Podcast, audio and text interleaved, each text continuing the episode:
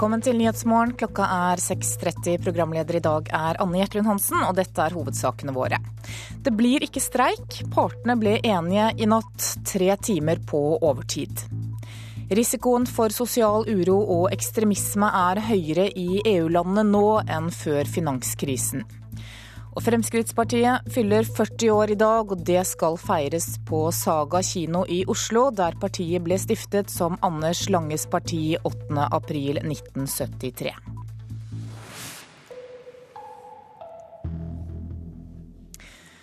Det blir altså ikke streik. Partene i lønnsoppgjøret i private bedrifter i IS, LO og NHO ble enige om et oppgjør med en økonomisk ramme på 3,4% vel tre timer på overtid i natt. For LO så var det viktig at alle fikk et sentralt tillegg, og at lavtlønte fikk ekstra tillegg på toppen. For oss har det også vært viktig å ha et sentralt tillegg men også et lavtlønnstillegg, og ikke minst eh, bevare 90% altså at de som får lavtlønns, de, det er de overenskomstene under 90 eh, Så vi er sånn sett fornøyd med det. Og eh, dette blir jo et oppgjør som vi ligger klart under de prognosene som både Norges Bank og andre har hatt. Det blir et generelt tillegg på 75 øre i timen til alle. De som jobber på avtaler som har under 90% av gjennomsnittlig industriarbeiderlønn, får i tillegg 1 krone og 40 øre i timen fra 1. april. Det var drøy kost å svelge for administrerende direktør i NHO, Kristin Skogen Lund.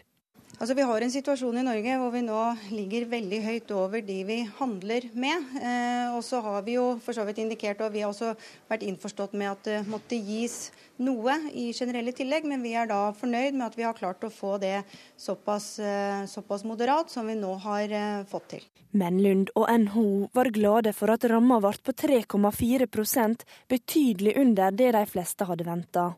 Ja, vi er fornøyd fordi vi får nå et generelt tillegg på 75 øre. Det er 50 øre under fjorårets eh, tillegg, og markerer sånn sett et nødvendig taktskifte som vi har vært veldig opptatt av.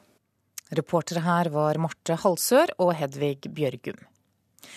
Støtten til Liv Signe Navarsete som leder i Senterpartiet er både velfortjent og viktig. Det sier tidligere partileder Anne Enger. I helgen ble Navarsete gjenvalgt på Senterpartiets landsmøte etter en turbulent tid. Og Liv Signe Navarsete er valgt som Ordstyreren fikk ikke fullført setninga før et samla landsmøte slapp jubelen løs for Liv Signe Navarsete som attvalgt leder av Senterpartiet. Opptakta til møtet på heimebane var blant de verst tenkelige.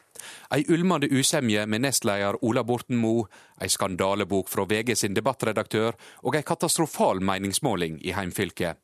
Etter tre dager på hotell Alexandra i Loen var stemninga snudd. Vi har hatt eh, et, ja, si et av tidenes beste landsmøte. Vi gikk inn i det med mye uro og støy eh, knytta til ikke minst ei viss bok. Eh, og vi har kommet ut av det utrolig styrka. Samla og med mange gode vedtak som nå skal følges opp. Blant gjestene var kanskje den mest populære tidligere partilederen, nei-dronning Anne Enger. Hun sier det både var riktig og viktig at Navarsete ble attvalgt med bravur. Ja, jeg syns det er vel fortjent og veldig godt at det er et samla parti som nå støtter opp om sin ledelse. Og at en eh, har hatt et konstruktivt landsmøte som, eh, som eh, er veldig viktig å ha i ryggen framover. Selvfølgelig for de som står i tøffe strider og kamper alle veiene. Reporter på landsmøtet i Loen var Erlend Blålid Oldeide. Mannskapet til Sivilforsvaret er for lite, og det er ikke personell nok til langvarig innsats. Det mener distriktssjef for Rogaland sivilforsvarsdistrikt, Arne Øvreås. I løpet av de siste tiårene så har styrken til Sivilforsvaret blitt kraftig redusert, og nå frykter de nye kutt og enda færre folk.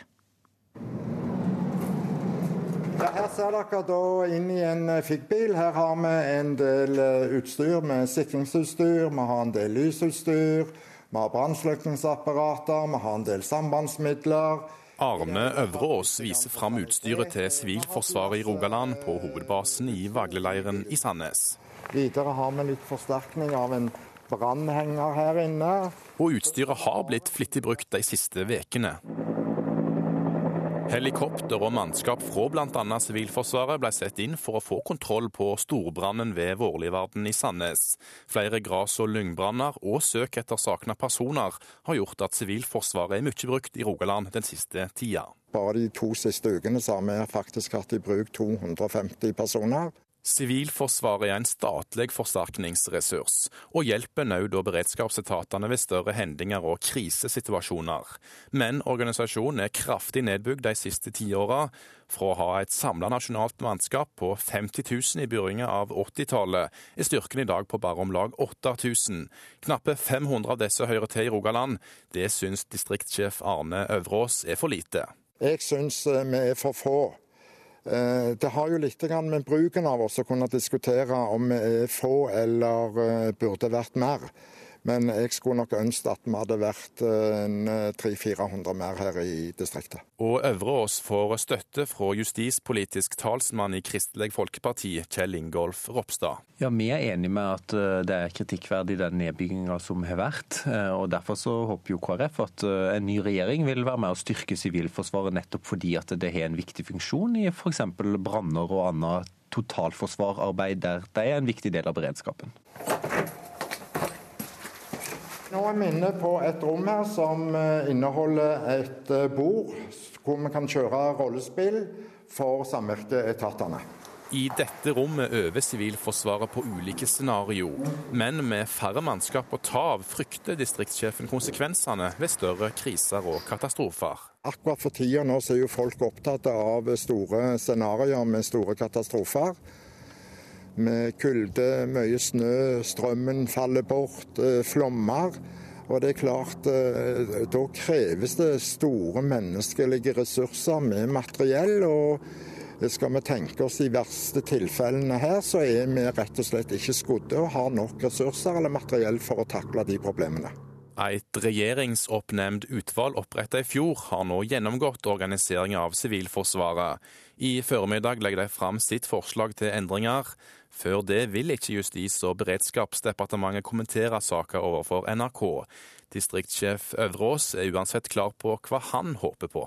Jeg håper gjerne at Sivilforsvaret uh, vil bli forsterka og få mer ressurser med tanke på materiell og også personell. Reporter var Magnus Stokka. Nord-Korea ser ut til å forberede en fjerde kjernefysisk test, ifølge den sørkoreanske regjeringen. Nord-Korea sa i forrige uke at det hersker en krigstilstand på den koreanske halvøya. Regimet har også truet med å angripe USA med atomvåpen, og overført raketter til en base på østkysten. En 26 år gammel svensk statsborger er tiltalt for å ha drept en 46 år gammel nordmann. Mannen ble drept med 33 knivstikk i en leilighet på Sinsen i Oslo i februar i fjor, skriver VG. Da politiet kom til leiligheten, så fant de den døde mannen, to menn som var såret og en blodig kniv. Ifølge tiltalen ble 46-åringen stukket i overkroppen og i hodet. Den tiltalte nekter straffskyld. I dag er Fremskrittspartiet 40 år. Det skal feires på Saga kino i Oslo, der partiet ble stiftet som Anders Langes parti 8. april 1973. En ung Carl I. Hagen var blant dem som var til stede. Det var et tverrsnitt av den norske befolkning. Det var høyesterettsadvokater, bankdirektører, drosjesjåfører og sjauere på brygga, de som jobbet i dagligvarebransjen. Det var et tverrsnitt av befolkningen. Jeg er ikke med på noe partiunntak. Det het Anders Langes parti. Mindre skatter og avgifter. Fra ei uryddig stifting med Anders Lange i 1973 har det gått gjennom djupe indre konflikter og ytre mistru. Nå sikter partiet mot regjeringskontorene, og det har partieier gjennom nær 30 år, Carl I. Hagen, klare voner om hvordan bør bli. Min målsetning er et rent flertall av Høyre og Fremskrittspartiet, slik at vi kan virkelig få gjort en del betydelige endringer. Uten å måtte ta hensyn til eh, litt særinteresser i sentrumspartiene. Eh, hvis det ikke blir flertall, så må vi bite det sure eplet og forhandle med også sentrumspartiene, Kristelig Folkeparti og Venstre, og for å få en flertallsregjering av de borgerlige partier. Er du til disposisjon som statsråd? det er mange som er interessert i å spørre det. Det skal jeg svare på, svare på mm, hvis det noen gang skulle skje. Det sa Carl I. Hagen til reporter Bjørn Bø, og du kan høre mer til Hagen i Politisk kvarter klokka 7.45. Risikoen for sosial uro og ekstremisme er høyere i EU-landene enn før finanskrisen. Det viser analyser FNs arbeidsorganisasjon ILO legger frem på en stor konferanse i Oslo i dag. Det haster med å skaffe folk en jobb og en tro på fremtiden, det sier ILO-sjefen Guy Ryder. I do think we should be very worried um, about uh, the disaffection that people have towards politics, public life, Vi bør være svært urolige over at folk ser ut til å miste tillit og tro på politikk, samfunnsliv, institusjoner og politisk debatt, sier sjefen for FNs arbeidsorganisasjon ILO. I dag legger ILO frem tall i Oslo som viser at sjansene for sosial uro har vokst med 12% i Europa på fem år. Det er den raskeste veksten i verden, Midtøsten og Nord-Afrika inkludert. ILO-sjef Guy Ryder mener mennesker uten håp for fremtiden lettere tyr til enkle løsninger, også ekstremisme. You know, extremist answers, is there. Uh, we're seeing it in Greece to some extent. Uh, that argues for, um, uh, for action now. 11 millioner EU-borgere har vært uten jobb mer enn et år nå. Det er dobbelt så mange som for fem år siden. Jeg håper jo den konferansen som nå starter i Oslo, faktisk vil sette søkelyset på nettopp behovet for å booste økonomien for å skape nye arbeidsplasser. Sier de nordiske landenes styremedlem i FNs arbeidsorganisasjon, Trine Lise Sundnes. Og Derfor er det så viktig at også de finansielle institusjonene på europeisk og globalt plan er her i Oslo sammen med ILO for å diskutere disse spørsmålene, sånn at den sosiale dimensjonen også også blir en del av den finansielle politikken. Reporter her var Hedvig Bjørgum. Da skal vi se på dagens aviser og se hva de har på forsidene sine i dag. Kun én av fire nye i Norge fødes her. Det er overskriften i Aftenposten. Folkeregisteret i Norge øker med 220 000 personer hvert år. Men tre av fire nye innbyggere er innvandrere. Dagens Næringsliv skriver at John Fredriksen sparte 675 millioner dollar i skatt ved å sende 4,5 milliarder dollar i utbytte fra Kypros til Panama. Summen tilsvarer om lag 10% av de 5 milliarder euroene kypriotiske myndigheter må hente fra bl.a. bankkunder for å redde Kypros fra økonomisk kollaps. Det er blitt bedre å være kvinne i Afghanistan tolv år etter invasjonen. Det slår landets mest fremtredende menneskerettighetsaktivist på forsiden til Dagsavisen i dag. Hun mener at de 15 millioner kvinnene i landet har det langt bedre nå enn før de internasjonale styrkene rykket inn i 2001. Vårt Land forteller at over 1000 mennesker jobber med kommunikasjon i virksomheter som er tilknyttet staten. Statsviter Rune Karlsen mener utviklingen av mediebransjen gjør at statlige etater trenger folk som kan håndtere stor pågang fra journalister. VG har intervjuet fire kvinner som henges ut på pornosider på internett. De har forsøkt å få bildene fjernet, men ingen kan hjelpe dem. Og hundrevis av norske jenter opplever det samme, ifølge avisa.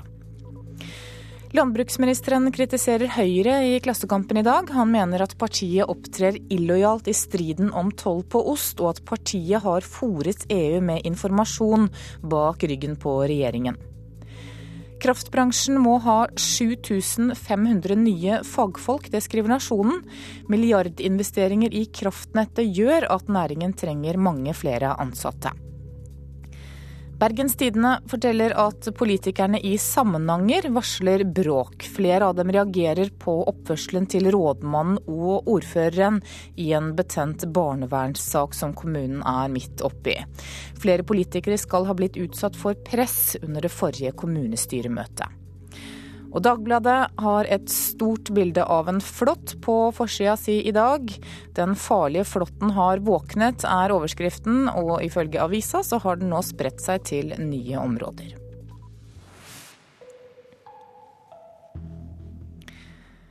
Skal vi ha sport. Syklist Tor Hushovd frykter at årets Tour de France kan ryke.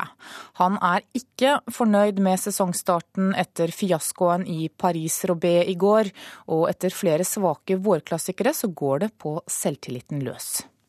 Jeg har vist at det fysiske er tilbake, men jeg er ikke tilbake når det virkelig gjelder i de løpene som jeg har, som jeg har satsa på. Så der eh, har, har det vært eh, helbom. Det har på ingen måte gått Tor Hushovds vei i de store vårklassikerne i sesongen lenger. Søndag røk håpet om stiger i sesongens store mål Paris-Roubert. Slikt tærer på sjøltilliten i comeback-sesongen. Nå har det vært mye der det ikke fungerer, og da selvfølgelig det Da mister en jo selvtillit og, og, og, og eh, blir selvfølgelig mer usikker. Nå tar 35-åringen pause fra konkurranser for å spisse formen før Tour de France. Et ritt han sjøl ikke er 100 sikker på at han blir tatt ut til. Det har vært eh, trøblete et år eller 14 måneder. og Ting må, ting må stabilisere seg. Jeg må tilbake til et uh, høyere nivå skal det, her, uh, skal det her bli bra.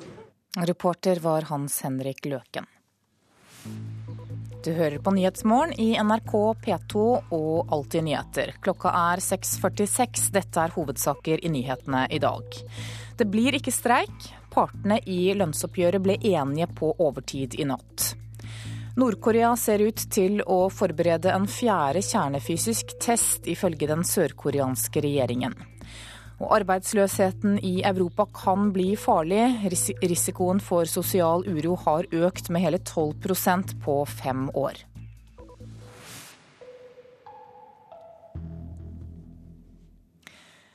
Det er gode tider for dem som skal leie ut leilighet i Stavanger. Gjennom flere år så har en rekke bolighus blitt ombygd ulovlig.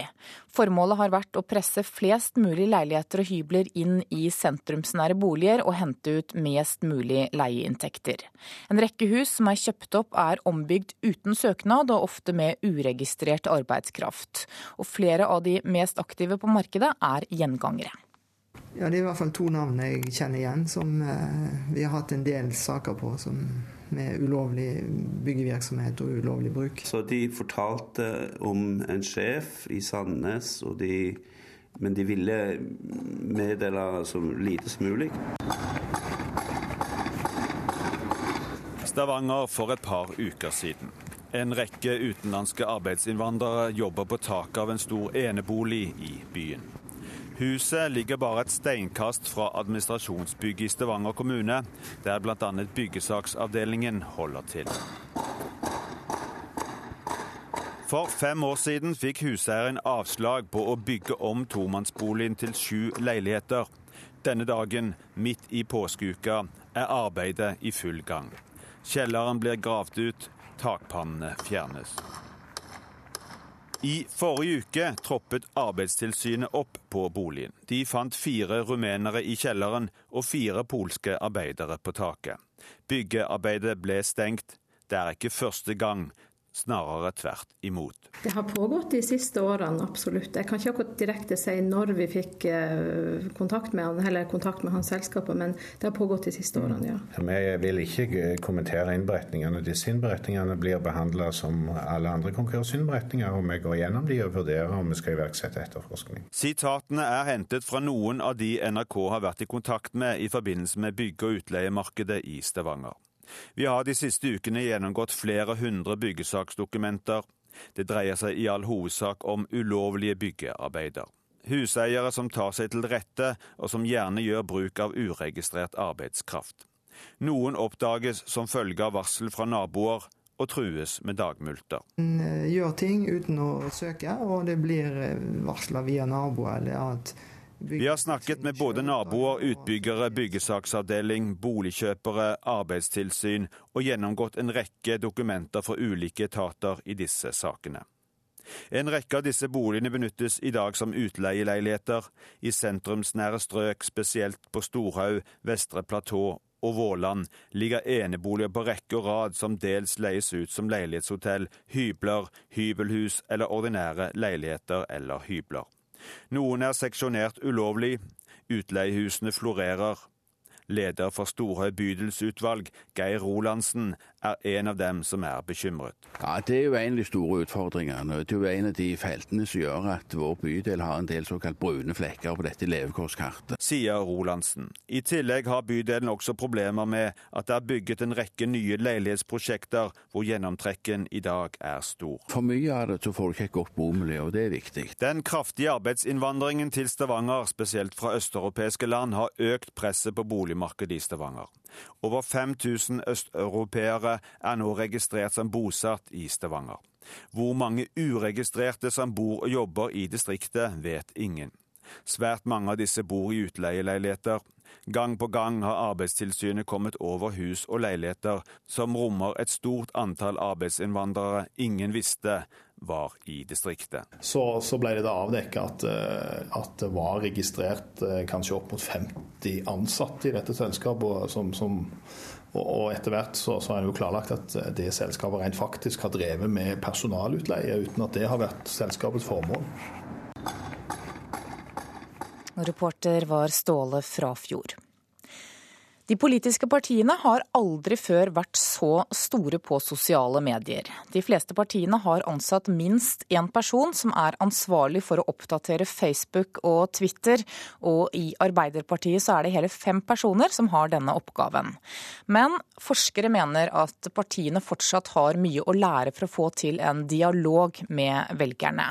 Og 75 år gamle Bodil Brøgger er en av dem som etterlyser en tettere kontakt med politikerne. Da skriver jeg Facebook. Skal vi se om jeg kommer inn uten å måtte registrere meg. I lokalene til avisa Seniornett sitter nettredaktør Bodil Brøgger ved PC-en sin og sjekker Facebook-profilen til Arbeiderpartiet. 75-åringen har de siste åra vært en aktiv Facebook-bruker, og på sidene til flere av de politiske partiene er det spesielt én ting hun legger merke til. Altså Det er jo på den samme måten som de legger frem alt stoff om at vi er så bra, og stem oss.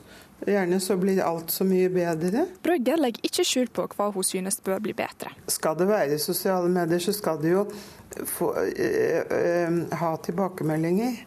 Og, og, det skal være en dialog, det skal være en samtale mellom flere parter. Ikke bare at de står frem og, og sier så bra de er. Gidder du å legge ned på Twitter, eller? Det er sak én? Mm. Yep. I kommunikasjonsavdelinga til Arbeiderpartiet tastes det hektisk på tastaturet. I partiet er det hele fem personer som har ansvaret for å oppdatere alt fra Twitter til Facebook. Men når det kommer til spredning av den politiske budskapen via sosiale medier, mener forsker Cecilie Staude at partiet har mye å lære. De aller fleste bruker sosiale medier i dag på samme måten som de bruker tradisjonelle medier. Altså i veldig stor grad en enveisorientert kommunikasjon. Der politikere bruker Facebook, Twitter og blogger til å snakke mer til velgerne enn med velgerne. Staude trekker fram en mer åpen dialog med velgerne som en mulig løsning. Så jeg tror at mange har mye mer å hente ved å i større grad være opptatt av å invitere velgerne inn. Og i så måte være i dialog med dem med tanke på å utvikle politikk sammen med velgerne. Og det er jo det de sosiale mediene er kan være effektive kanaler for. Vi har uh, mulighet selvfølgelig for å bli bedre på det. Arbeiderpartiet er det partiet med flest følgere på Twitter og Facebook. Og kommunikasjonssjef i Arbeiderpartiet, Pia Gulbrandsen, mener den store bruken av sosiale medier er viktig for å spreie den politiske budskapen til partiet. Jeg tenker at sosiale medier er et av de få mediene hvor man faktisk har mulighet til å ha toveiskommunikasjon med velgerne. På Facebook f.eks. så uh, gjør vi så godt vi kan for å prøve å svare alle som, uh, som spør oss om ting, f.eks. Reporter her, det var Camilla Yndestad. I helgen så kunne publikum oppleve musikkstykket 'Reunion' av John Cage på Teknisk museum i Oslo. Men stykket er ikke som andre musikkstykker. Det forandres fra gang til gang fordi tonene bestemmes av et parti sjakk. Dette er lyden av sjakk. På Teknisk museum i Oslo sitter en far og en sønn over et tilsynelatende vanlig spillbrett. Men de sitter svøpt i elektronisk lyd som endrer seg når de flytter brikkene. Hvem sin tur er det nå? Det er din tur. Kan du fortelle hva det neste trekket blir, så skal vi høre hvordan det, hvordan det lyder? Ja, det kan vi gjøre. Vi kan jo gjøre noe veldig dramatisk. Jeg tar ikke noe dame, men jeg uh, setter Jeg gjør en liten sjakk. Skal vi se hva det blir? Det var en sjakk. Den helt vanlige faren Hans og den helt vanlige sønnen Jonas på tolv år er gjennom sitt helt vanlige sjakkspill blitt komponister. Spillet deres er en oppdatert versjon av avantgarde-komponisten John Cage sitt verk 'Reunion' fra 1968. Installasjonen, eller verket, ble satt opp i helgen som en del av oppfinnerfestivalen Oslo Mini Make Fair på Teknisk museum. Vi har plassert eh, magnetsensorer i brettet. Det er et vanlig turneringsbrett. I brikkene så har vi eh, boret inn magneter. Eh, så da får vi liksom Eskil Sæther er en av de som har laget Reunion. Han er med i Skurr, som er et lydkollektiv som holder til i Oslo. De lager elektronisk musikk og lyddesign, og eksperimenterer med teknologiske uttrykk. Skurr har samarbeidet med NOTAM, Norsk senter for teknologi i kunst og musikk, om installasjonen. Er det sånn at det er helt tilfeldig hva som kommer når man flytter en brikke, eller har det noe, har det noe sammenheng med altså, Får man en finere lyd ved et godt trekk, eller hvordan fungerer det? Det er noe tilfeldigheter, men uh, heldigvis ikke bare tilfeldigheter. Uh, det er koblet opp mot en sjakkmotor som registrerer hvert trekk. altså Den følger med på spillet. Og skal da, hvis alt uh, går riktig for seg, stoppe lyden når det er sjakkmatt. Det er også en del publikum som følger med på sjakkspillet. Men de er mer opptatt av lyden enn hva som blir neste trekk. Ja, det er en rar lyd, da. Det er rart at et sjakkspill kan lage sånn lyd. Høres det sånn underwater? Det, det høres litt sånn litt Ikke sant? Hva synes ja. Litt sånn under vann? Den, lyd, den, lyden hørtes ut som en fisk som snakker. Ja. Delfiner og ja, litt sånn. Ja. Og reporter her, det var Ina Strøm.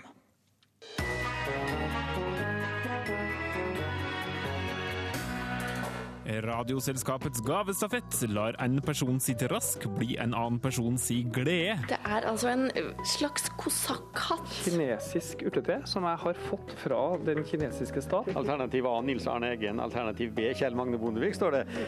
I dag møter du Kristin Clemet i Radioselskapet P2 klokka 11. Og da skal vi se på et værvarsel som gjelder til midnatt.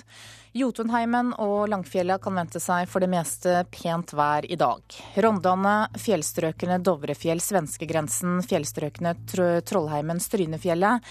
Der er det ventet eh, skiftende skydekke. Enkelte snøbyger vesentlig i nordlige områder.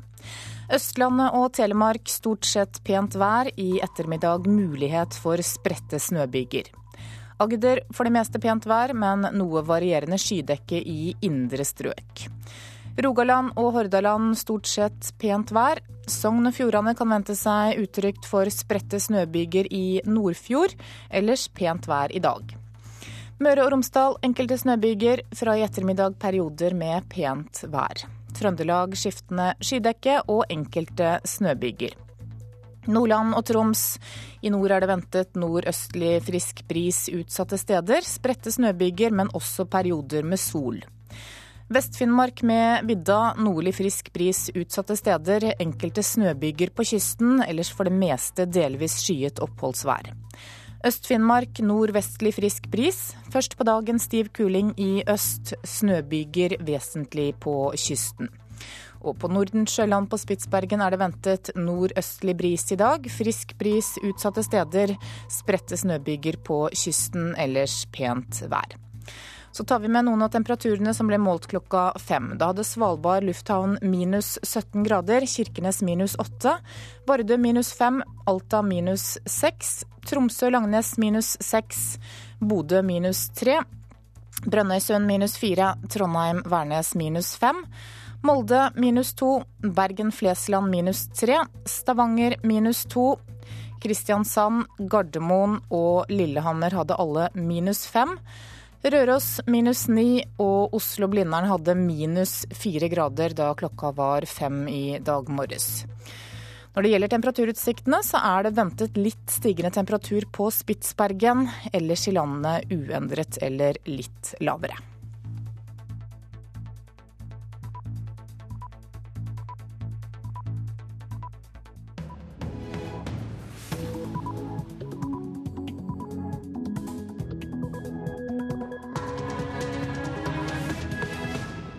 Klokka er sju. Du lytter til Nyhetsmorgen med Anne Jetlund Hansen i studio. Her er en nyhetsoppdatering. Leverpostei, frukt, grønnsaker og fisk og litt sånn. Kanskje menyen til Herman er noe av årsaken til at færre norske tredjeklassinger er overvektige nå enn for to år siden. Det blir ikke streik. LO og NHO ble i natt enige om årets lønnsoppgjør. Vi er sånn sett fornøyd med det. Og uh, dette blir jo et oppgjør som uh, vil ligge klart under de prognosene som uh, både Norges Bank og andre har hatt. Det sa LO-leder Roar Flåten. Også arbeidsgiverne er fornøyd.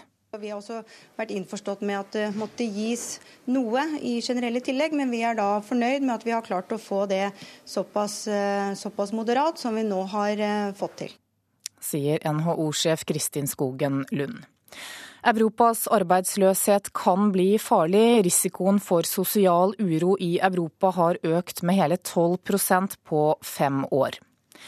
Fremskrittspartiet fyller 40 år i dag, og det skal feires på Saga kino i Oslo, der partiet ble stiftet som Anders Langes parti 8. april 1973. Naturvernforbundet i Vestfold har som mål at fylket skal bli størst på drift av økologiske andelsgårder, med minst fem nye slike gårder i løpet av de neste tre årene. Da får man en andel i gårdens produksjon, som man betaler da i starten av året. Så får man da mulighet til å være med og bestemme hva som skal dyrkes. Så det er at man kan, man kan velge om man vil vedta mye eller vedta lite sier prosjektleder Lone Charlotte Haugland.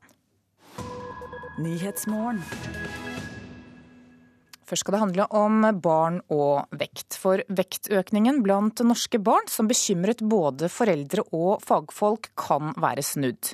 Det går frem av den nye barnevekststudien som ble utført i høst. Kanskje er foreldrene blitt strengere på usunn mat. For andelen overvektige har faktisk gått ned de siste par årene, og har ikke økt siden 2008. Det sier prosjektleder Ragnhild Håvengen ved Folkehelseinstituttet. Tredjeklassingene i 2012 er omtrent det samme på vekta som de var i 2008. Men ikke blir noe tjukkere? Nei, det er ingenting som tyder på at de har blitt noe tjukkere. 25. 29.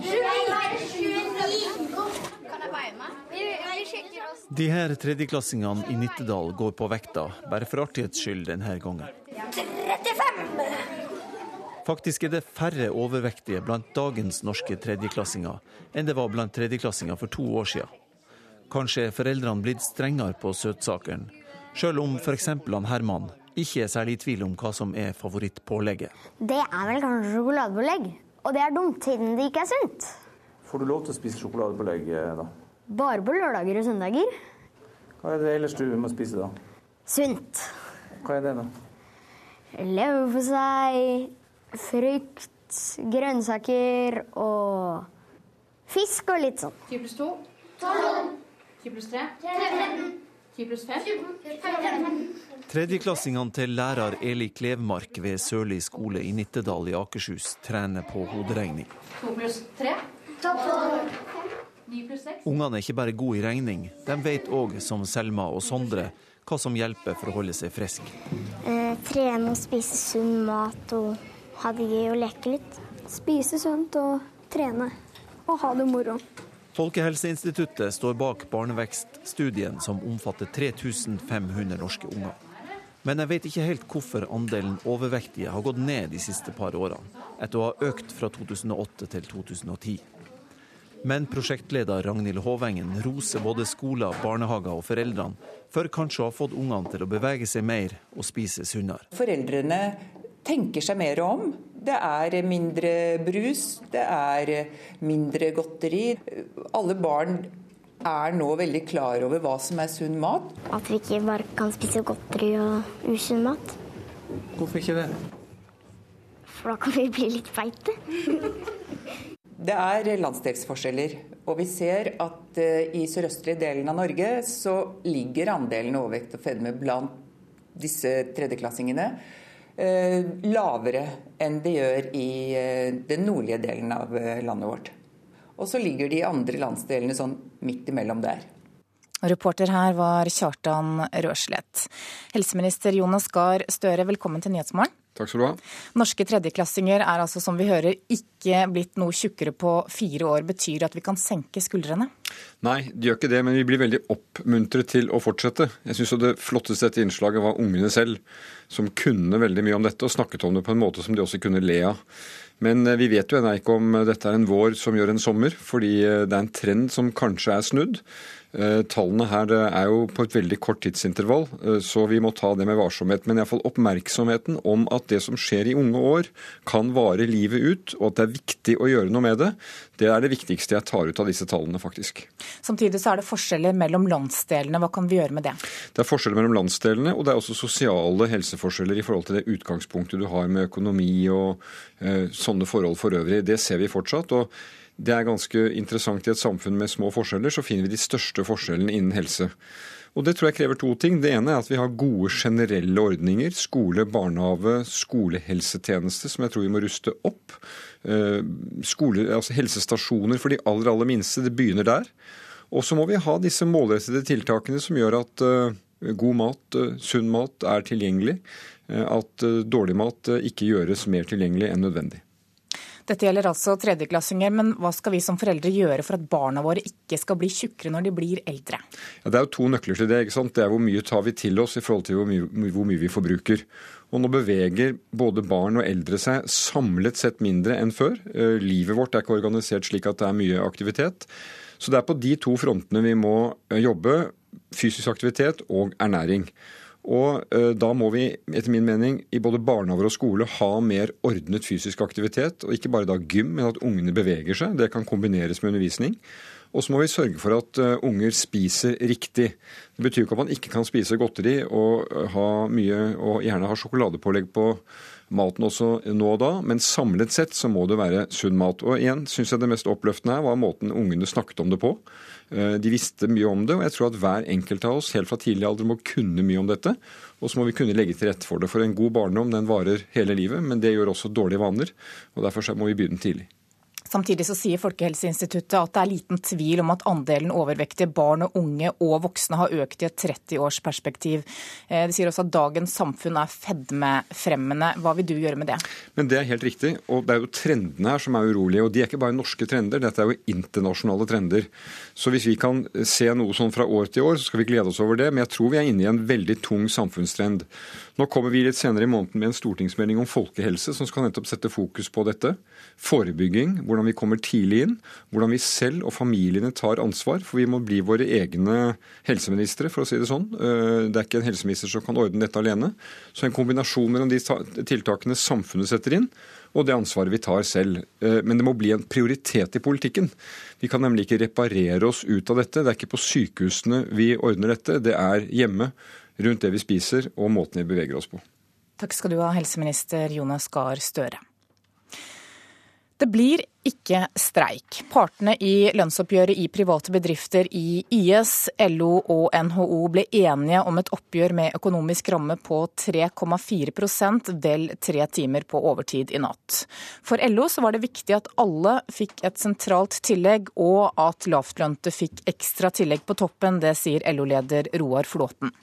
For oss har det også vært viktig å ha et sentralt tillegg, men også et lavtlønnstillegg. Og ikke minst eh, bevare 90% altså at de som får lavtlønns, eh, de, det er de overenskomstene under 90 eh, Så vi er sånn sett fornøyd med det.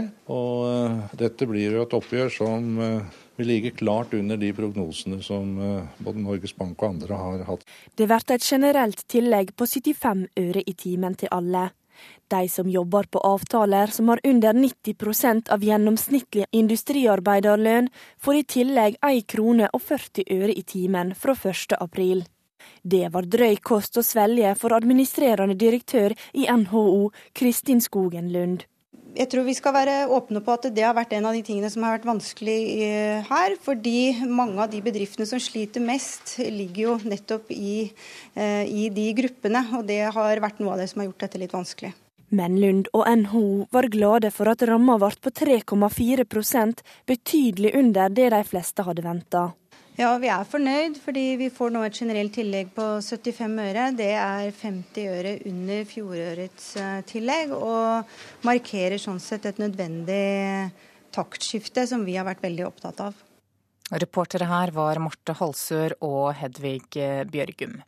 Kristine Nergård, forsker ved Fafo, velkommen til Nyhetsmorgen. Takk. De kom altså i mål, men hvorfor holdt de det gående så lenge? Det var nok en del detaljer som skulle på plass. altså Man opp, skulle både få på plass et generelt tillegg, et lavtlønnstillegg, og denne ram, eller nivået for når dette lavtlønnstillegget skulle slå inn. og Det kan nok være sånn som kan sitte og forhandle om. Men mellomoppgjørene går jo sjelden til megling, og enda sjeldnere til streik. Det er ti år siden Riksmekleren sist måtte bidra for å finne en løsning. Hva er grunnen til at det skjedde nå? Jeg tror nok at arbeidsgiverne var veldig opptatt av å signalisere at nå måtte man få et moderat oppgjør. Og kanskje også fordi vi nå sitter, partene sitter i dette Holden III-utvalget og skal utrede framtiden for norske lønnsforhandlinger og norsk lønnsdannelse. Og vi har jo hatt et par gode oppgjør i 2011 og 2012, så det var nok arbeidsgiversidens signaler som var ekstra sterke i år. Ja, hvordan vil du karakterisere dette oppgjøret? Eh, det er jo et oppgjør som er uh, mer moderat enn det vi har hatt de to siste åra. fjor så fikk vi, fikk, ble det en lønnsvekst på 4% samla. Nå ligger det an på 3,4, så det er jo vesentlig lavere. Ja, for NHO kaller dette et taktskifte, stemmer det? Vi får se. altså Nå skal det jo forhandles lokalt ute i NHOs bedrifter. og dette 3,4 er jo et anslag, så vi får se hva lønnsglidninga blir i 2013. Hva betyr dette oppgjøret for folk flest?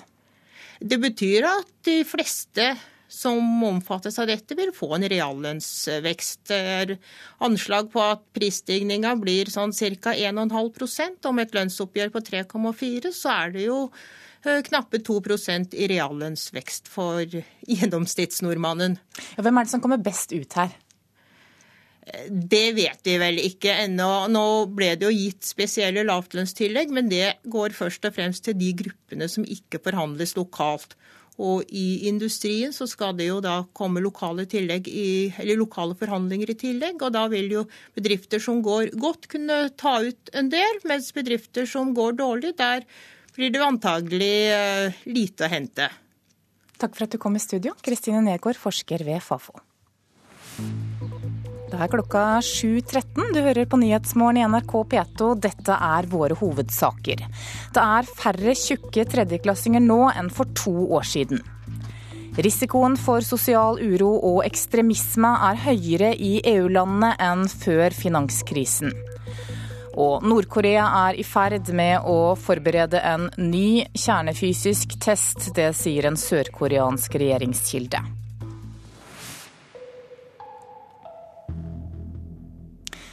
Ja, Det ser altså ut til at Nord-Korea forbereder en fjerde atomprøvesprengning, ifølge en talsmann for den sørkoreanske regjeringen.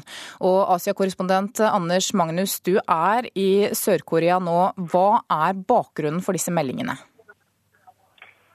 Bakgrunnen er at eh, det er eh, sett bevegelser rundt eh, dette sprengningsstedet som man brukte sist gang. Og bevegelsen er noe av det samme som den gang. Det er jo satellittbilder som man analyserer for å finne fram til hva som skjer i dette området, som jo er veldig avsondret fra resten av verden. Eh, men det har jo ligget i kortene at eh, de ønsket eh, en prøvesprengning til i år. Det har nordkoreanerne allerede fortalt til kinesiske embetsmenn. Men om den kommer nå eller seinere, det vet man jo ikke. Det er ennå ikke innført noen flyforbudssone i dette området, som man må jo gjøre før eh, en slik prøvesprengning. Ja, hva vil en ny kjernefysisk test få å si for den spente situasjonen på Koreahalvøya? Det vil i hvert fall ikke dempe spenningen. og det er klart at eh, Resten av verden vil jo eh, ta avstand fra det som eh, da skjer. Det som nabolandene og amerikanerne frykter, er jo at ved en ny prøvesprengning så kommer nordkoreanerne enda lenger i sitt arbeid med å lage små kjernefysiske sprenghoder som de kan plassere på toppen av eh, langdistanse- eller mellomdistanseraketter. Det er jo også snakk om at det kommer til å bli en ny eh, rakettest eh, allerede på onsdag, som er den dagen da Nord-Korea har bedt utenlandske ambassader forlate hovedstaden Pyongyang. Statssekretær i Utenriksdepartementet Torgeir Larsen besøker Sør-Korea akkurat nå. Hvordan kommer den spente situasjonen til å prege samtalene han skal ha? Han eh, ankommer eh, industribyen Busan eh, senere i dag. og Det er jo først og fremst et næringslivsbesøk han skulle på. Men i, allerede i morgen skal han hit til Seoul og snakke med ministeren som har ansvaret for Nord-Korea-saker, og også besøke den demilitariserte sonen på grensen mot Nord-Korea. Så det er klart at han får veldig mye informasjon om sørkoreanernes tenkning og holdninger til det som skjer nå, som kan være svært verdifull for en eh, norsk politiker å ta med seg hjem til Norge. Takk skal du ha, Asia-korrespondent Anders Magnus. Over 600 nordmenn deltok i kampen mot kommunistregimet i Nord-Korea på 50-tallet. De jobbet med feltsykehus, kalt Nordmers. Og som 19 år gammel sersjant så reiste Nils Egelien til Korea for å være med i vaktstyrken til et av feltsykehusene like ved fronten. Og Egelien, velkommen til Nyhetsmorgen. Takk skal du ha. Du, hva opplevde du som ung sersjant i Korea?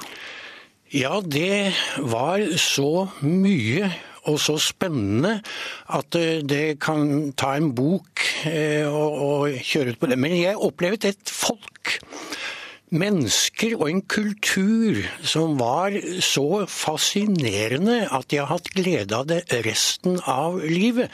Disse menneskene, de, de kan lære oss veldig mye. Og eh, nei, det, det, var så voldsomt det vi opplevet, at det er nesten vanskelig å, å beskrive. Ja, Hva er det de kan lære oss? Ja, de, de kan lære oss hvordan f.eks. vi skal omgås hverandre. Det har jo Ola Dunk holdt jeg på å si, glemt på mange måter. Eh, de kan lære oss hvordan vi tar oss av våre eh, foreldre, våre gamle. De kan lære oss en rekke ting, og jeg må jo også tenke på Jeg har vært i Korea mange ganger. Og veldig ofte så oppdager jeg ting de har oppdaget som blir innført i verden, Europa, eh, etterpå. Jeg satt sammen med han eh, nudelkommen, Mr. Lee, for mange år siden og pekte i en drosje på hva all verden er dette for noe?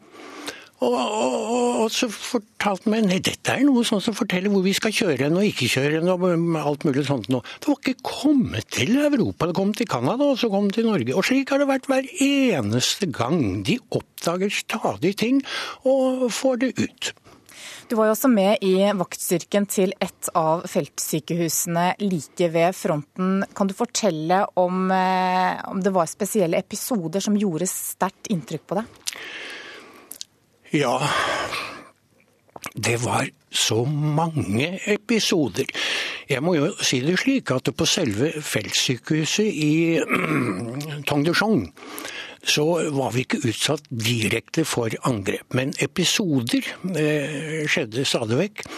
Og utenom byen nede i Seoul, og kanskje spesielt oppe ved linjene, så var det episoder som eh, var så voldsomme at det er, det er, det er nesten vondt å, å snakke om det.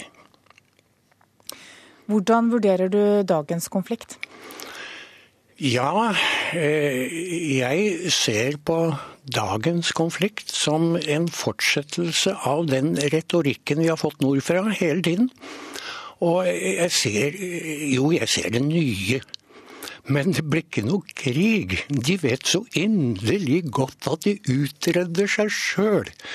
Og denne sjefen der oppe, han Kimmeren, han, han, er utdannet, som vi alle vet, i Sveits og har en, mye fra Vestens uh, kultur. Og, og, det er ikke noe svær, dum, gæren mann, som mange sier. Han, han er på enkelte områder meget fornuftig. Gift, noen lurer på om han er gift, med en flott kone som kan hjelpe han og fortelle også saker og ting. Men eh, jeg ser på dette som en fortsettelse av det jeg har opplevd i 50 år. Og det, det, det fortsetter, ser det ut til. Takk for at du var med i Nyhetsmorgen, Nils Egelien. Varslernettstedet Wikileaks skal i dag offentliggjøre over 1,7 millioner dokumenter fra USAs etterretningstjeneste og diplomati, ifølge grunnlegger Julian Assange. Dokumentene stammer fra 1970-tallet og kommer til å bli lagt ut på Wikileaks nettside. De inneholder bl.a. papirer sendt til og fra daværende utenriksminister Henry Kissinger. I Egypt ble en person drept og 66 skadd i sammenstøt mellom kristne og muslimer utenfor katedralen i Kairo. Uroen oppsto i forbindelse med begravelsen til fire kristne som ble drept i kamper noen dager tidligere.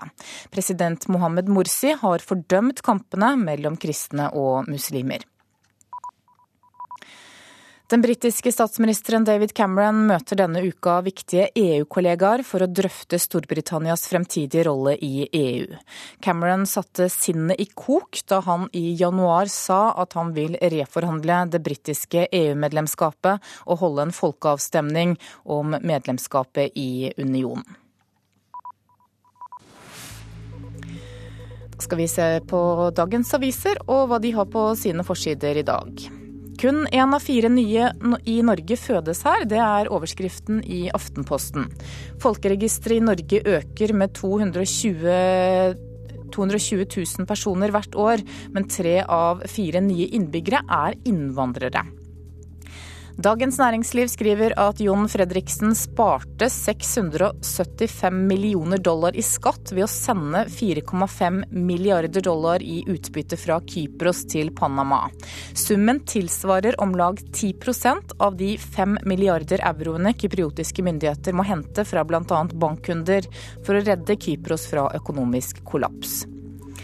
Det er blitt bedre å være kvinne i Afghanistan tolv etter tolv år etter invasjonen. Det slår landets mest fremtredende menneskerettighetsaktivist fast på forsiden til Dagsavisen i dag.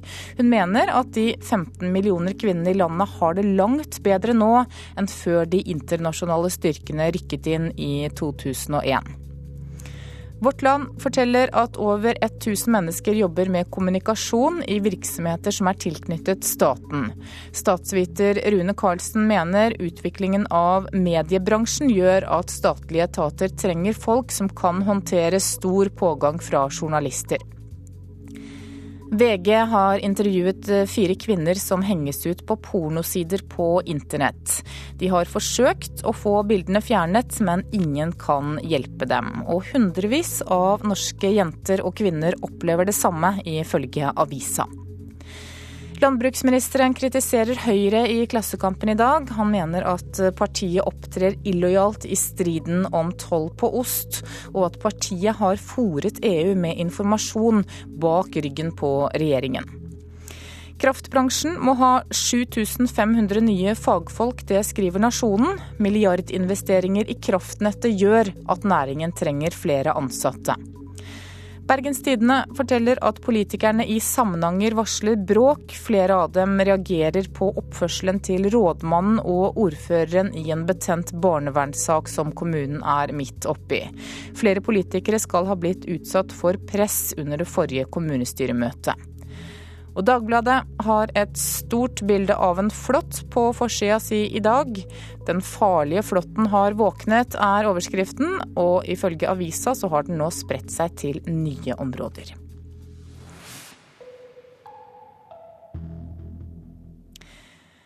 Vestfold skal bli størst i landet på drift av økologiske andelsgårder. Det er målet til Naturvernforbundet i fylket.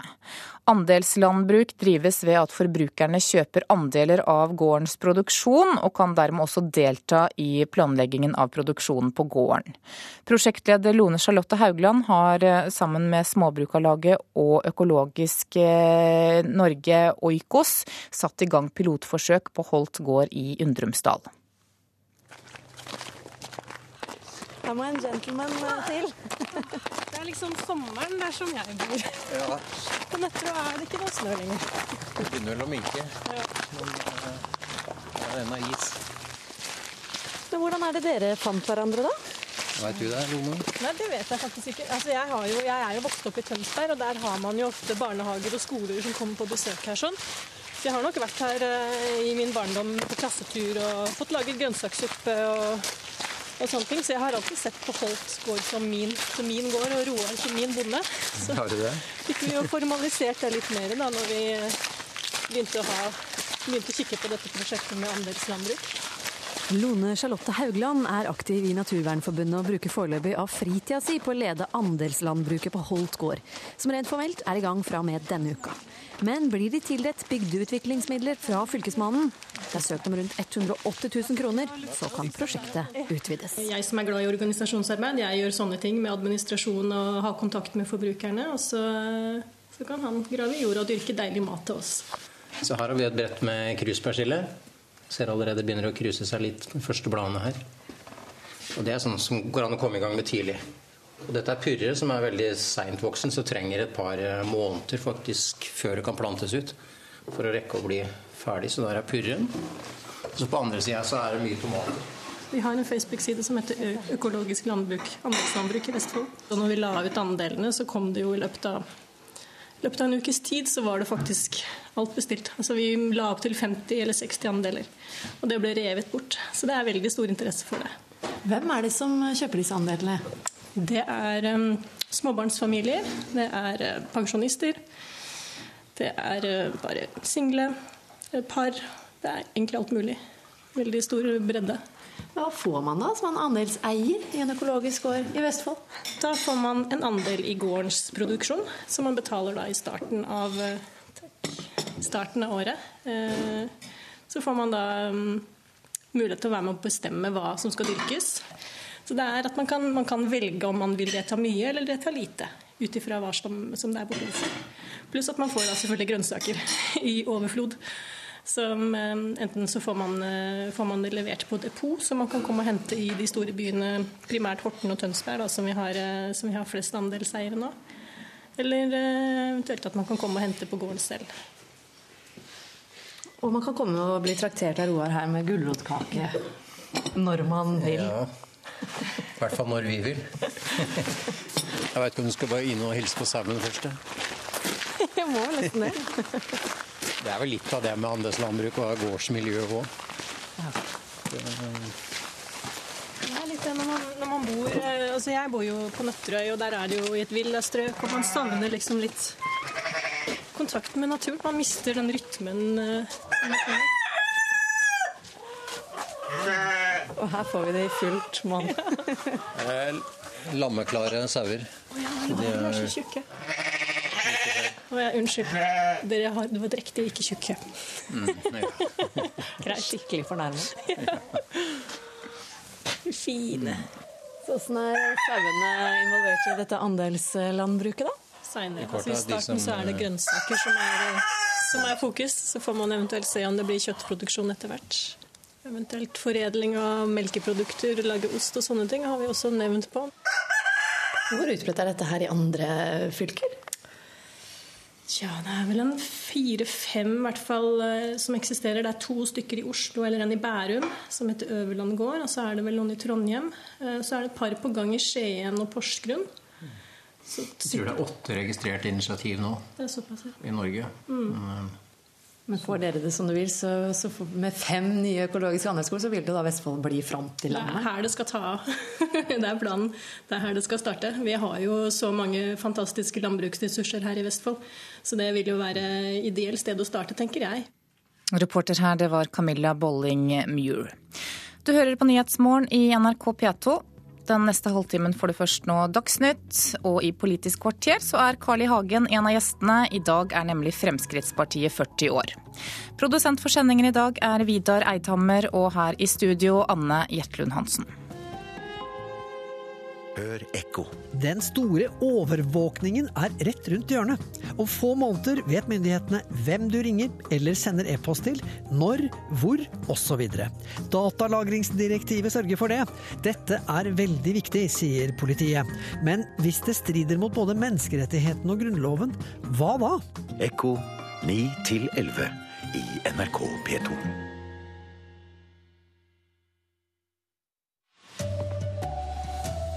Foreldre strammer inn på sjokoladepålegget. Færre norske barn blir overvektige. Bussene går og folk kommer seg på jobb. Det blir ingen streik.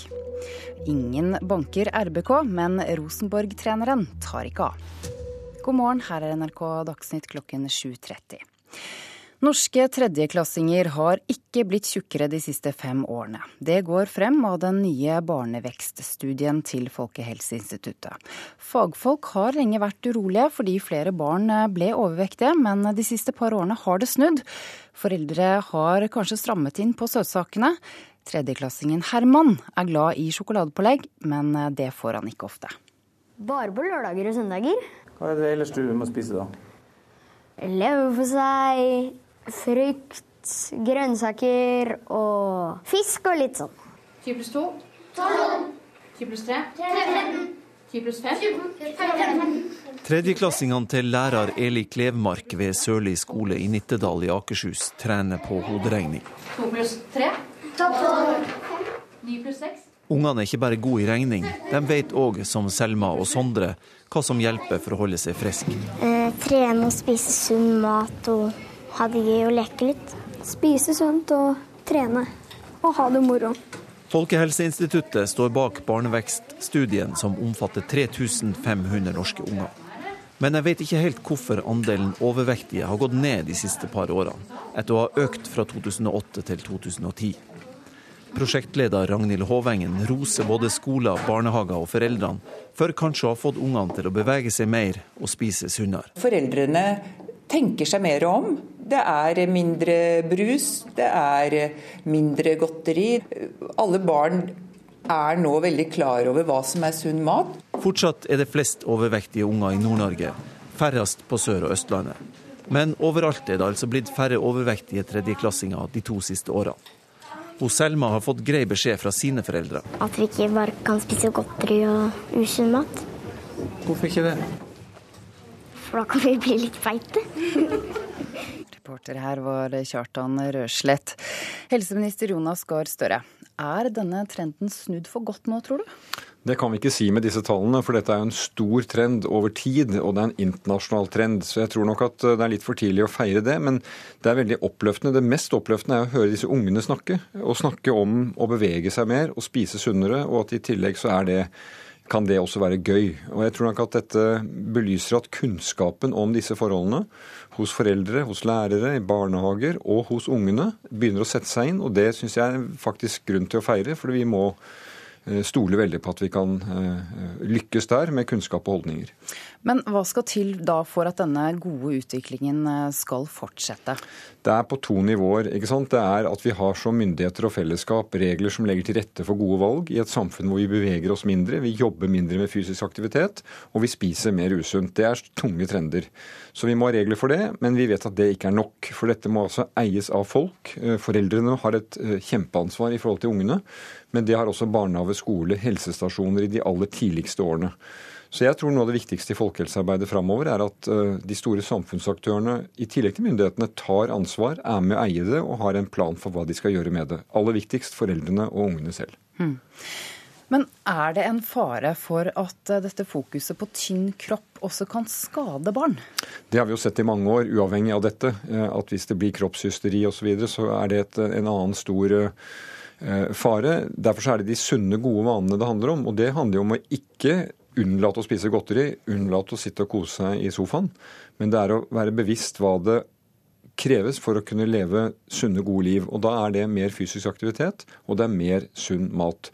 Og så er det kunnskap om det, og at det blir lagt til rette for det. Særlig hos ungene, for det er der det begynner. Mm. Takk for at du kom i studio, helseminister Jonas Gahr Støre. Bussene ruller på veiene, og folk kommer seg på jobb nå i morgentimene. For det blir ikke streik. Partene i lønnsoppgjøret i private bedrifter i YS, LO og NHO ble i natt enige om en avtale som gir alle et lønnstillegg på 75 øre per time. For LO var det viktig at lavtlønte fikk ekstra tillegg på toppen. Nå er det enighet. Klokka tre i natt ble altså partene omsider enige om ramma for det sentrale lønnsoppgjøret. I år får alle et generelt tillegg på 75 øre, med et ekstra tillegg for de som tjener under 90% av gjennomsnittlig industriarbeiderlønn. Ja, det er 75 øre i generelt tillegg, og så er det i tillegg 1 eh, krone og 40 øre for de eh, overenskomstene som ligger under 90% av gjennomsnitten. Og De får da 2,15 kroner Det sier LO-leder Roar Flåten. Han er nøyd med å ha fått på plass en avtale, til tross for at ramma er lavere enn prognosene fra Norges Bank, Finansdepartementet og SSB tilsa. Ja, Vi står eh, bak det resultatet. Og eh, det har det i seg som vi har vært ute etter, å gjennomføre et fornuftig oppgjør, bringe lønnsdannelsen ned, samtidig også som vi gir tillegg sentralt til de som ikke får noe lokalt. Og, og, det har vi ivaretatt. Og vi har ivaretatt en lavtlønnsprofil som ivaretar lavtlønt- og likelønnsperspektivet. Og sånn sett så er vi der som vi også har ønska.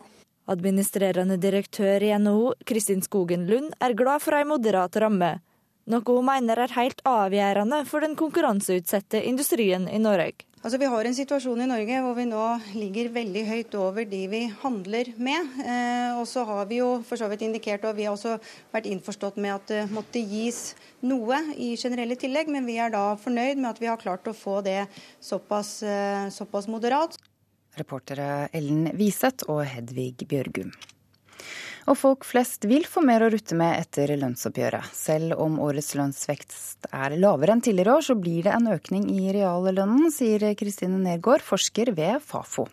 Det betyr at de fleste som omfattes av dette, vil få en reallønnsvekst. Anslag på at prisstigninga blir sånn ca. 1,5% Om et lønnsoppgjør på 3,4 så er det jo eh, knappe 2% i reallønnsvekst for gjennomsnittsnordmannen. Nord-Korea er i ferd med å forberede en ny kjernefysisk test. Det sier en sørkoreansk regjeringskilde i dag. Det skal nylig ha vært aktivitet ved Nord-Koreas testsenter. Nord-Korea sa i forrige uke at det hersker en krigstilstand på den koreanske halvøya. Millioner av folk uten arbeid og fattigdom i Europa øker faren for ekstremisme. Det viser analyser fra FNs arbeidsorganisasjon ILO. Risikoen for sosial uro er høyere i EU-landene nå enn før finanskrisen, og dette er en farlig utvikling, sier ILO-sjefen Guy Ryder.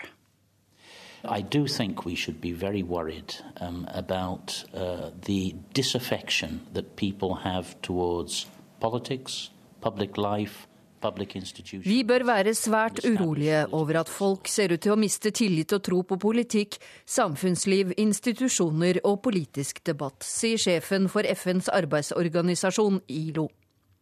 I dag legger ILO frem tall i Oslo som viser at sjansene for sosial uro har vokst med 12% i Europa på fem år. Det er den raskeste veksten i verden, Midtøsten og Nord-Afrika inkludert. ILO-sjef Guy Ryder mener mennesker uten håp for fremtiden lettere tyr til enkle løsninger, også ekstremisme. You know, answers, extremist answers, is there. Uh, we're seeing it in Greece to some extent. Uh, that argues for, um, uh, for action now. Og det er en stor konferanse om dette i Oslo i dag. Reporter Hedvig Bjørgum. Så skal vi høre at Oslos paradegate Karl Johan kan bli stengt for biler forbi Stortinget. Det skriver Aftenposten i dag. Det er Stortingets presidentskap som ønsker å stenge gaten for biltrafikk for å sikre Stortinget mot terrorangrep. Rosenborg på topp og regjerende mester Molde på jumboplass. Slik er det etter tre runder av årets eliteserie. Og en av trøndernes store spillere mot Sogndal i går tror Rosenborg eh, bare kommer til å bli enda mer suverene fremover.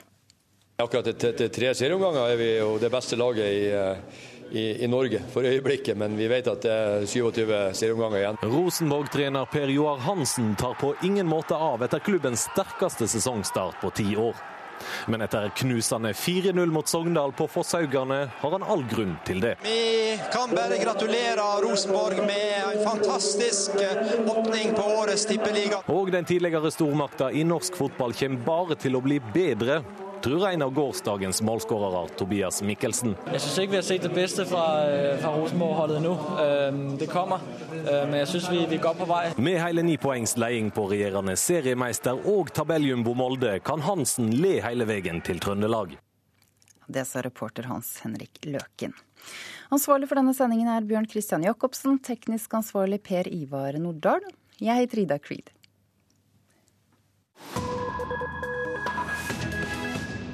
Klokka er 7.40 og Nyhetsmorgen fortsetter. I går så var det 80 år siden den da 19 år gamle Herbert Fram gikk i land i Oslo fra danskebåten Dronning Maud. Dette skulle bli starten på en lang internasjonal politisk karriere. Det er nemlig Willy Brandt vi snakker om, for Fram tok senere dette navnet. Og I dag så blir en ny biografi om Brandt lansert på norsk i forbindelse med at det er 100 år siden i år at han ble født. Samtidig blir det utgift et hefte om en del adresser i Oslo som er knyttet til Brandts opphold i Norge. Brandt skulle, som det het, formidle erfaringene fra det tyske nederlaget. Og de erfaringene som det tyske partiet trakk, det var at man måtte føre en revolusjonær politikk. Si Jeg står sammen med Einar Lorentz i bakgården mellom noen eldre boligblokker på Grønland i Oslo og snakker om Willy Brandt. Her i Hollendergaten 2 var det mannen som opprinnelig het Herbert Fram bodde under deler av sitt opphold i den norske hovedstaden fra 1933 til 1940 sammen med sin tyske kjæreste Gertrud Meyer. Ingen kjenner bedre til Willy Brandts liv i Norge enn Einar Lorentz, tysk historiker som har tilbrakt store deler av sitt voksne liv i Norge, og som nå har skrevet et lite hefte som gjør det mulig å følge Willy Brandts norske liv fra adresse til adresse. Han flyttet ganske raskt inn her hvor vi står nå, Hollendergaten 2. Hvorfor flyttet han akkurat hit? Ja, det var vel mer tilfeldig. Altså, han, han, var så heldig at han ble kjent med Dagbladet-redaktør Skavlans datter på reisen til Oslo. Så han bodde først i familie Skavlan 10-14 dager. Han hadde allerede da et godt drag på damer? Ja, det, det sånn vil jeg ikke si det, men, men unge mennesker snakker med hverandre. Altså den gang. Og uh, så hadde han en del uh, ulike adresser. Han bodde på Bjølsen. han han bodde også i Huitfeldtsgata noen kort tid. Han bodde i et hybelhus i Pilestredet. Men, men, her i Hollendergata, det var den første leiligheten som, som han og ungdomsvenninnen fra Lübeck, Gertrud Meyer, hadde.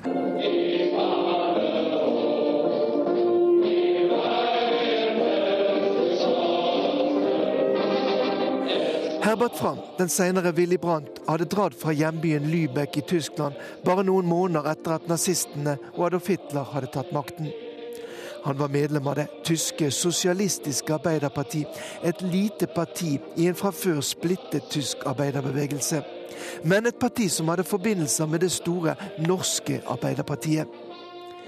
I 1933 var det fremdeles de borgerlige som styrte Norge. Og sammen med at mange nordmenn, ikke minst innenfor politiet og i det militære, var velvillig innstilt til Hitler og nazismen, gjorde det at Herbert Fram, alias Willy Brandt, ikke ble møtt med åpne armer, forteller Einar Lorentz. Altså han, han, ble interessant både for det, tyske, for det norske politiet, men også for, for, tysk etterretning. For de lusket etter han, og, og det hendte at folk ble bortført. Her hvor vi står nå, Einar Låren, så er det jo en liten minneplate som forteller at Willy Brandt bodde nettopp i dette huset her.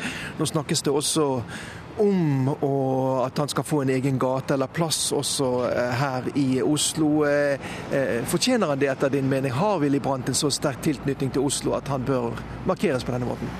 Ja, så Etter min mening har han det absolutt, og jeg har tidligere også foreslått det med en gate. Han, han er jo en av våre nobelpristakere, det skal man, skal man ikke, ikke, glemme. Han var nå norsk, norsk statsborger. Reporter her, det var Morten Jentoft. Klokka er 7.44. Dette er hovedsaker i Nyhetsmorgen. På to år er det færre tjukke tredjeklassinger her i landet. Bussene går og folk kommer seg på jobb som normalt. Det blir ingen streik. Og millioner av folk uten arbeid og mer fattigdom øker faren for ekstremisme i Europa, ifølge analyser fra FN. Sentrumspartiene utfordrer hverandre midt i landsmøtesesongen, programleder i Politisk kvarter Bjørn Bø. Senterpartiet holder fast på sin rød-grønne familie. Til helga skal Venstre forklare sitt regjeringsalternativ. Vi trenger en eldreminister, sier Carl I. Hagen på Fremskrittspartiets 40-årsdag.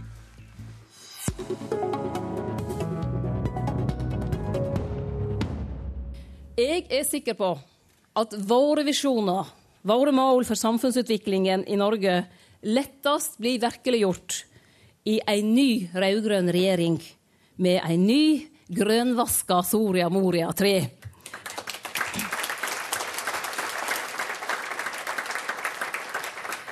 Ei Soria Moria 3 som forsvarer alt vi har bygd opp i lag i løpet av åtte år, og som dessverre lett kan rivast ned av krefter som vil dra landet i en annen retning. Senterpartileder Liv Signe Navarsete på landsmøtet sitt i helga. En av de som vil rive ned, er du nestleder i Venstre, Terje Breivik. Hvorfor det? Jeg forstår jo godt at Navarsete bruker denne type retorikk i et, i et valår. Og jeg tror sågar at hun mener det. Men eh, sett fra utsida, ikke minst så, som opposisjonsparti, så ser likevel været noe annerledes ut. Mm -hmm. Vi trenger ikke gå lenger enn til dømes til en av favorittkollegaene til Navarsete, olje- og energiminister Borten Moe. Regjeringa fører en energipolitikk rimelig blotta for ambisjoner og perspektiv og dessverre helt uten å ta inn over seg alvoret klimaproblemet representerer. Alle planer de har på området stanser i 2020. Sertifikatordninger for fornybar energi, utenlandskabelbygging, sentralnettplanene innenlands. Alle egg er lagt i ei korg. Petroleum i ei tid der ikke bare klimaet krever det, men resten av Europa legger om til fornybar energi i stort tempo. Sånn kunne jeg ha fortsatt. Det er ikke tvil om at landet trenger en ny, en ny blå-grønn regjering. Til helga går ballen over til Venstre, som skal ha landsmøte. Før har det erklært at det har vært sentrumsgarantist mot Frp i regjering. Hva er den politiske grunnen til at det er mindre kategoriske mot Frp nå? Venstre, Venstre, har et veldig avklart regjeringsstandpunkt i førekant av dette valget. Mm -hmm. punkt én. Vi vil ha en ny regjering fordi vi vil ha ny, en ny, mer offensiv og framtidsretta politikk på viktige områder som klima, kunnskap, velferd, næring. Punkt to. Venstre sitt regjeringsalternativ er ei blå-grønn regjering sammensatt av Venstre, KrF og Høyre. Så har vi i tillegg sagt at vetter det borgerlig flertall etter valget i høst, så er vi òg villige til å snakke med Frp. Nestleder i Senterpartiet, Trygve Slagsvold Vedum. Høres Venstre egentlig så nedbrytende farlig ut? Det som er eh, viktig å se på, er jo innholdet i politikken. Hvis du begynner med klima først, så er det jo tidenes satsing på utbygging av fornybar kraft akkurat nå. Og så forstår jeg at Breivik at han er kritisk til eh, noe av olje- og gasspolitikken til Senterpartiet. Men vi er jo veldig tydelige nå f.eks. For i forhold til Lofoten og Vesterålen, utbygginga der. Det sier vi en tydelig nei til. Mens eh, Breivik her peker på at han ønsker å, at han har flertall sammen med Høyre og Fremskrittspartiet, som er de partiene som ikke har tatt den type hensyn i det hele tatt i olje- og gasspolitikken. Hvorfor? Og når du ser på ja. Det er litt interessant også når du ser på Venstre, er at de har forflytta seg veldig i det politiske landskapet når det politiske standpunkt. Før så var jo Venstre et sentrumsparti motkulturstandpunktet, motkulturstandpunkter, bl.a. i forhold til kommunestruktur. Nå er Venstre blant de mest offensive partiene på massiv kommunesammenslåing. I forhold til alkoholpolitikken så var før Venstre en motkraft. Det er et veldig sånn liberalistisk parti i forhold til det. På bioteknologi så tror jeg Venstre er det eneste partiet som åpent går inn for å ha surrogati i Norge. Så Derfor er jo Venstre Det er ikke så rart at Venstre nå åpner for Frp og Høyre. For at I politiske standpunkt så ligger Venstre nå veldig nært Frp og Høyre. Mm. Det er mye rarere at KrF gjør det. For KrF er enig med Senterpartiet både i forhold til kommuneøkonomi, alkoholpolitikk, i forhold til landbrukspolitikk, i forhold til fordelingspolitikk. På en helt rekke områder. Så KrF har naturlig hørt mer sammen med Arbeiderpartiet og Senterpartiet. Ja. Men Venstre hører sammen med Frp, og jeg syns det er overraskende at et sentrumsparti som Venstre nå peker veien for at Frp skal inn i regjeringskontorene. Ja, Breivik, Venstre blir altså her eh, i en lengre tale fra Slagsvold Vedum framstilt som hjelpehjul for høyrepolitikk. Og er det sentrumspolitikk? Hva, hva betyr egentlig sentrumprogrammet, hvis vi bruker to, to setninger om det?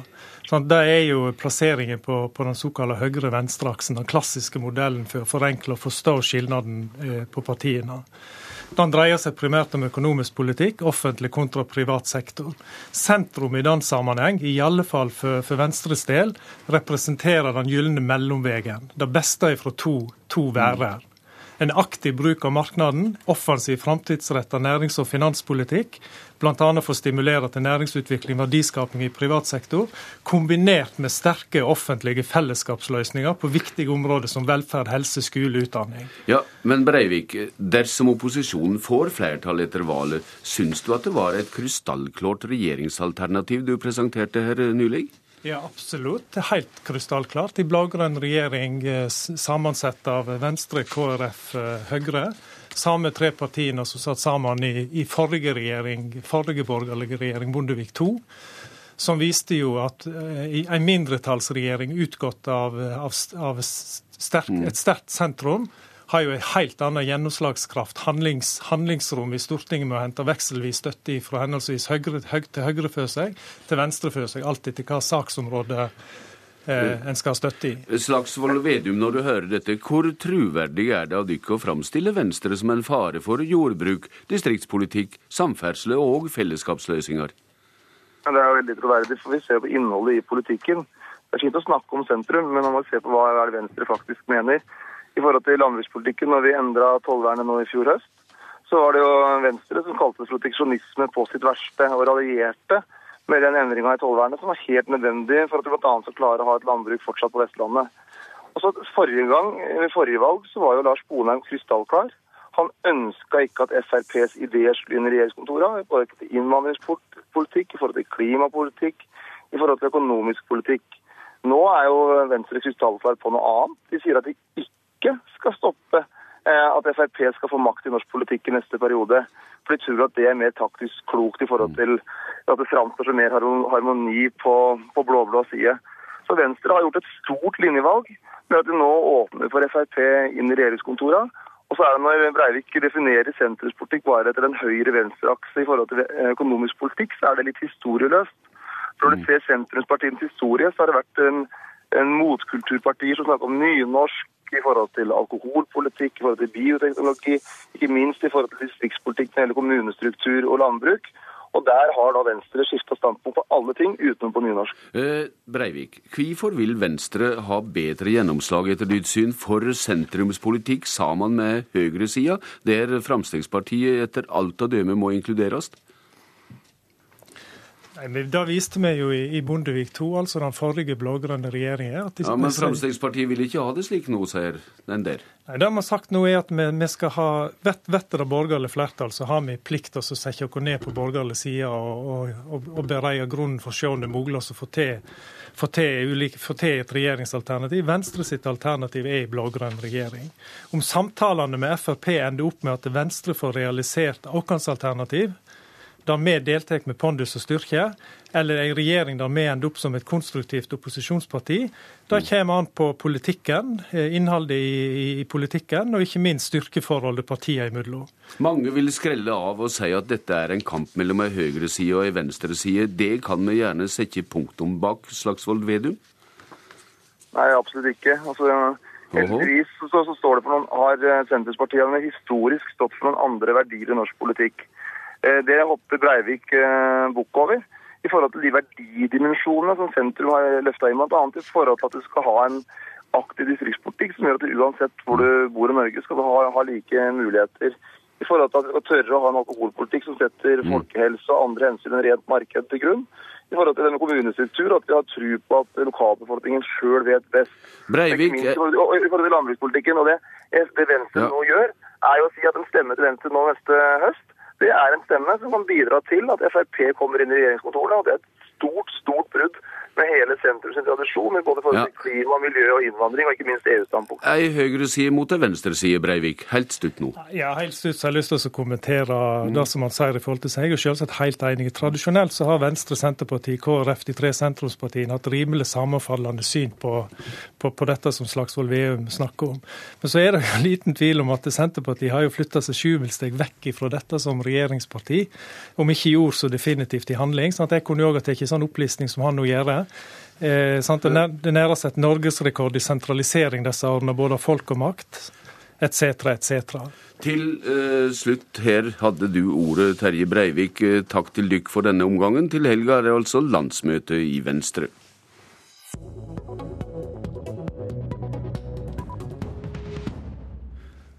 I dag er Fremskrittspartiet 40 år.